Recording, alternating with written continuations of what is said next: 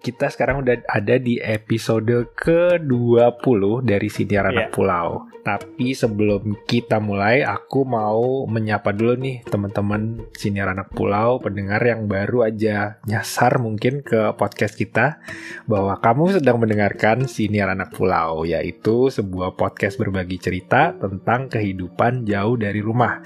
Jadi yang kita lakukan di setiap episode Siniar Anak Pulau adalah ya bagi-bagi cerita ya Leka. Iya. Bersama aku Firman dan aku Leka.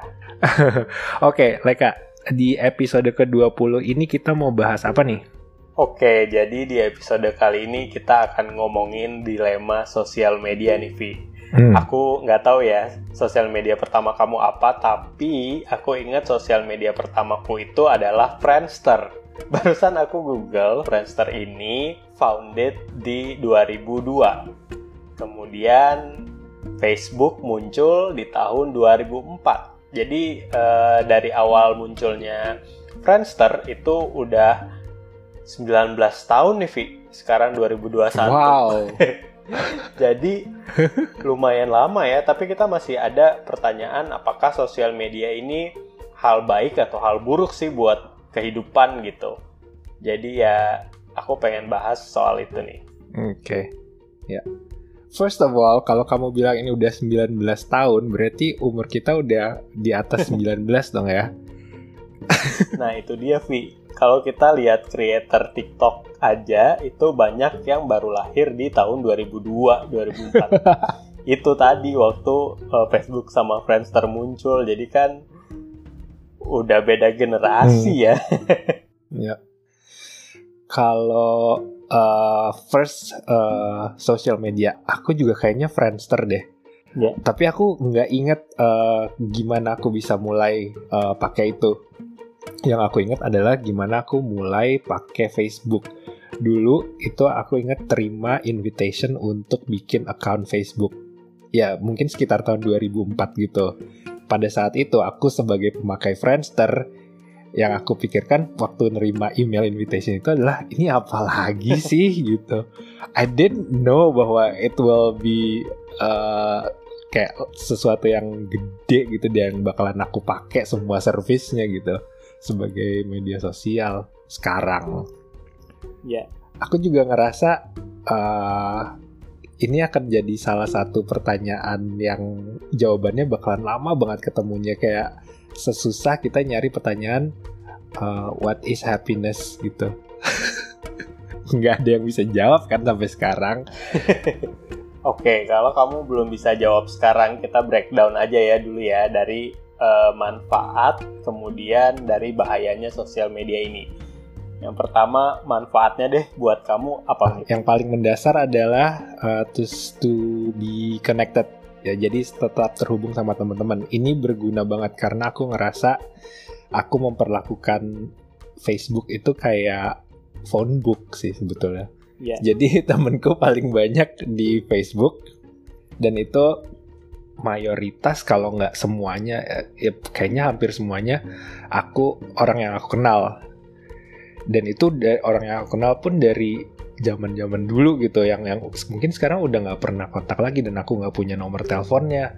Tapi karena masih terhubung di, Facebook aku masih merasa agak aman nih karena oh kalau misalnya aku perlu uh, ngontak temen ini aku masih ada channel buat menghubungi dia. Ya itu itu sebabnya aku bilang aku mempergunakan Facebook sebagai phone book sebagai itu apa buku alamat gitu buku telepon. Iya aku setuju sih. Media sosial itu jadi tools kita buat menjaga silaturahmi ya sama orang-orang yang mungkin kita nggak in touch lagi sekarang gitu. Kita jadi tahu kehidupan teman-teman lama kita terutama sebagai anak rantau ya. Hmm. aku jadi tahu kabar teman-temanku mereka baik-baik aja tuh dari uh, feedsnya mereka di sosial media. Tapi buatku pribadi, selain itu buat aku pribadi sosial media itu adalah tools aku buat cari cuan nih Vi. Hmm. Sebagai uh, painter dan ilustrator, yeah. kayaknya kalau diinget-inget semua pekerjaan besar aku itu aku dapat dari sosial media aku deh. Jadi tiba-tiba ada orang DM atau hubungi aku lewat kontak yang aku tinggalkan di uh, sosial mediaku gitu, terutama di Instagram. Jadi ya yeah, I need that in my life, Phil. oh, quite literally. Pinter ya kamu berarti ya. Bisa memanfaatkan sosial media sosial buat cari duit. ya, kalau aku mungkin ada andil juga ya sosial media ini dalam memperkuat atau memperluas networking. Yeah. Karena aku ingat mungkin pekerjaan pertamaku juga aku dapat dari networking gitu. Cuma ya it's a combination kombinasi antara networkingnya in real life IRL sama networking di sosial media gitu karena aku pertama eh, nggak uh, kenal personally sama orang ini gitu. Yeah. Tapi friend of a friend, tapi teman dari teman di media sosial gitu. Makanya aku bilang ini kombinasi buat kok. Ya benar juga ya, bisa buat uh, bisnis sama buat relasi gitu. Ya. Oke, aku ada pertanyaan pribadi nih, Vi. Selama bertahun-tahun kita temenan, aku notice kamu kan nggak pernah post something di feed Instagram kamu ya, tapi kamu tetap post di hmm. Instastory kamu gitu. What was the reason behind that? Uh, aku nggak update itu karena aku ngerasa uh, maintain story itu lebih fun daripada maintain feed. Kalau maintain feed itu kayaknya gimana ya kayak cuma nambah-nambahin pressure aja gitu loh aku mau nggak mau jadi ngebanding-bandingin fitku sama fit orang aku nggak mau aku nggak mau sosial mediaku tuh jadi beban pikiran kalau Ya.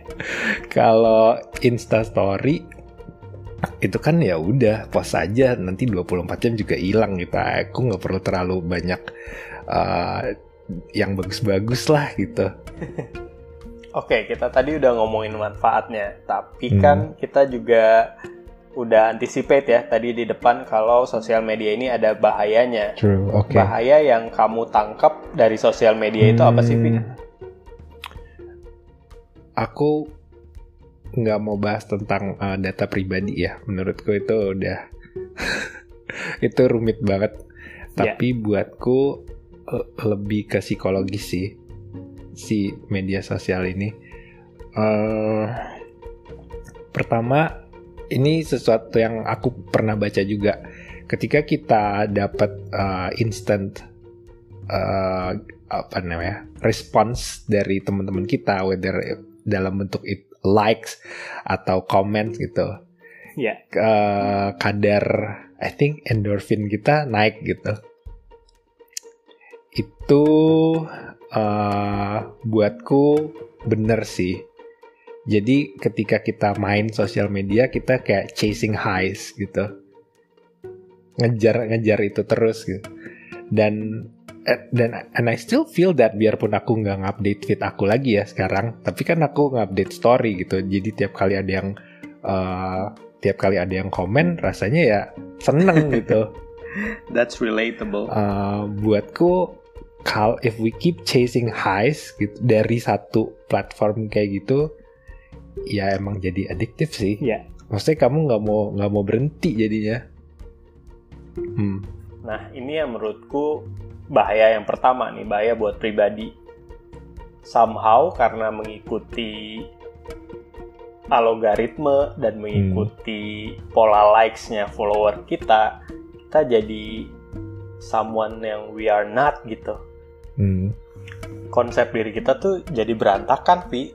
Terus kita jadinya terlihat happy terus, karena yang kita lihat itu semua orang happy terus gitu kaya terus hidupnya gitu. Dan ini leads to anxiety hmm. leads to depression gitu.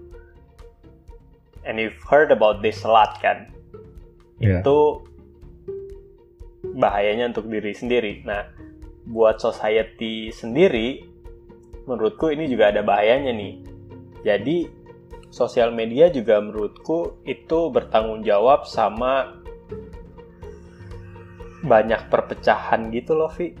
Hmm. Aku ngerasa, terutama di Twitter ya, pendapat orang tuh sangat terpolarisasi gitu. Either you support something or you hate something gitu. Jadi nggak ada middle groundnya. Kita jadi susah buat nerima pendapat orang lain karena ya kita pendapat apa pun yang kita punya itu kita selalu ada backupnya gitu di sosial media. Jadi ya itu tadi yang aku bilang sangat terpolarisasi lah gitu. Aku kayaknya pernah denger mungkin podcast juga atau juga pernah baca tentang uh, bagaimana uh, media sosial ini memperkuat atau ya memperbesar pengaruh uh, polarisasi ini. Iya. Uh, yang aku ingat dari pembicaraan itu adalah sebetulnya ya ini nggak bisa dihindari gitu. Uh, kita semua eventually emang bakalan terpolarisasi opininya gitu so either kamu ada di ujung yang satu atau ujung yang satunya lagi Iya. kenapa bisa begitu karena uh, algoritma itu membuat kita hanya menerima informasi yang uh, kita cari gitu. Jadi kita dikasih um, informasi yang sama berulang-ulang informasi yang sesuai dengan uh, kesukaan kita, belief kita, values kita berulang-ulang. Jadi disebutnya kita hidup dalam uh, echo chamber gitu, uh, Ya. kamar uh, ruang gema. Jadi yang yang kita dengar tuh sebetulnya adalah gema dari uh, suara kita sendiri. Makanya belief kita tuh makin kuat ke situ, akhirnya kita makin ke ujung yang ekstrim itu. Iya, jadi misalnya kamu eh, percaya bumi datar nih, Iya. Kamu ya kamu baca-baca berita informasi tentang bumi datar. Nah dari situ algoritma ngebaca bahwa kamu suka nih berita-berita kayak gini, dikasihlah kamu feed-feed tentang itu.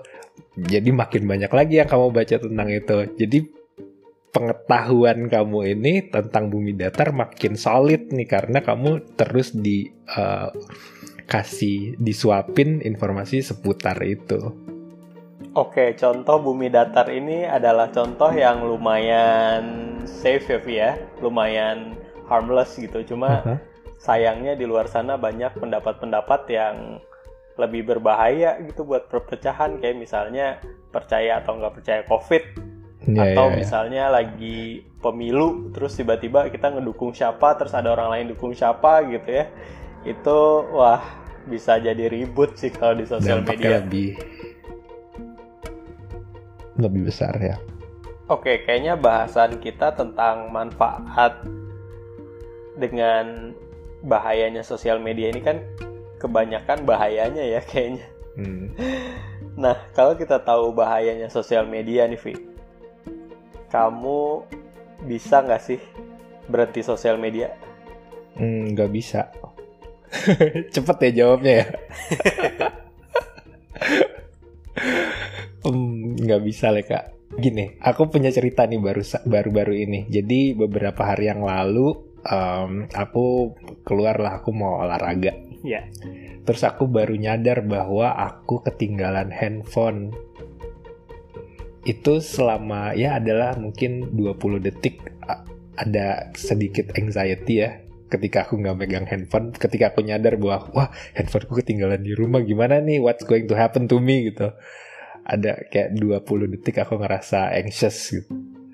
Tapi kemudian aku mikir, oke, aku- kamu ke sini buat olahraga, udah selesain aja olahraganya, nggak nothing will happen tanpa handphone kamu gitu. Tapi yang mengganjal buatku adalah ada satu pemikiran yang yang begini. Terus nanti kalau di jalan aku ketemu sesuatu yang menarik, aku nggak bisa share di sosial media dong. Itu mengganggu aku sampai sekarang. Kayak kenapa aku bisa punya pemikiran kayak gitu ya? It's just uh, kayak beberapa satu jam dua jam gitu aku off social media gitu. Uh, so that's why aku bilang mungkin aku nggak bisa hidup sam- uh, tanpa sosial media. Ya. Tapi uh, aku akan refer ke fungsinya yang pertama tadi yang aku sebutin bahwa aku mempergunakan itu untuk connect with people ya. Jadi I do need it buat uh, buat ngerasa aman aja sih bahwa aku Yeah. punya this list of people yang uh, aku kenal atau pernah aku kenal biarpun aku udah nggak kontak tapi aku tahu gimana cara menghubungi mereka gitu Iya sih. aku cuma pengen ngabarin sama teman-temanku aku tuh masih uh, sehat dan baik-baik sehat walafiat gitu Iya. itu aja cuma pengen bilang kayak gitu daripada aku uh, ngirim SMS uh, atau ngirim teks message satu-satu kan ke setiap ke semua orang-orang Iya. mending aku posting aja sekali terus ada sekian ratus orang gitu yang ngeliat Well, yeah, I honestly think that that's a good reason to use social media. hmm.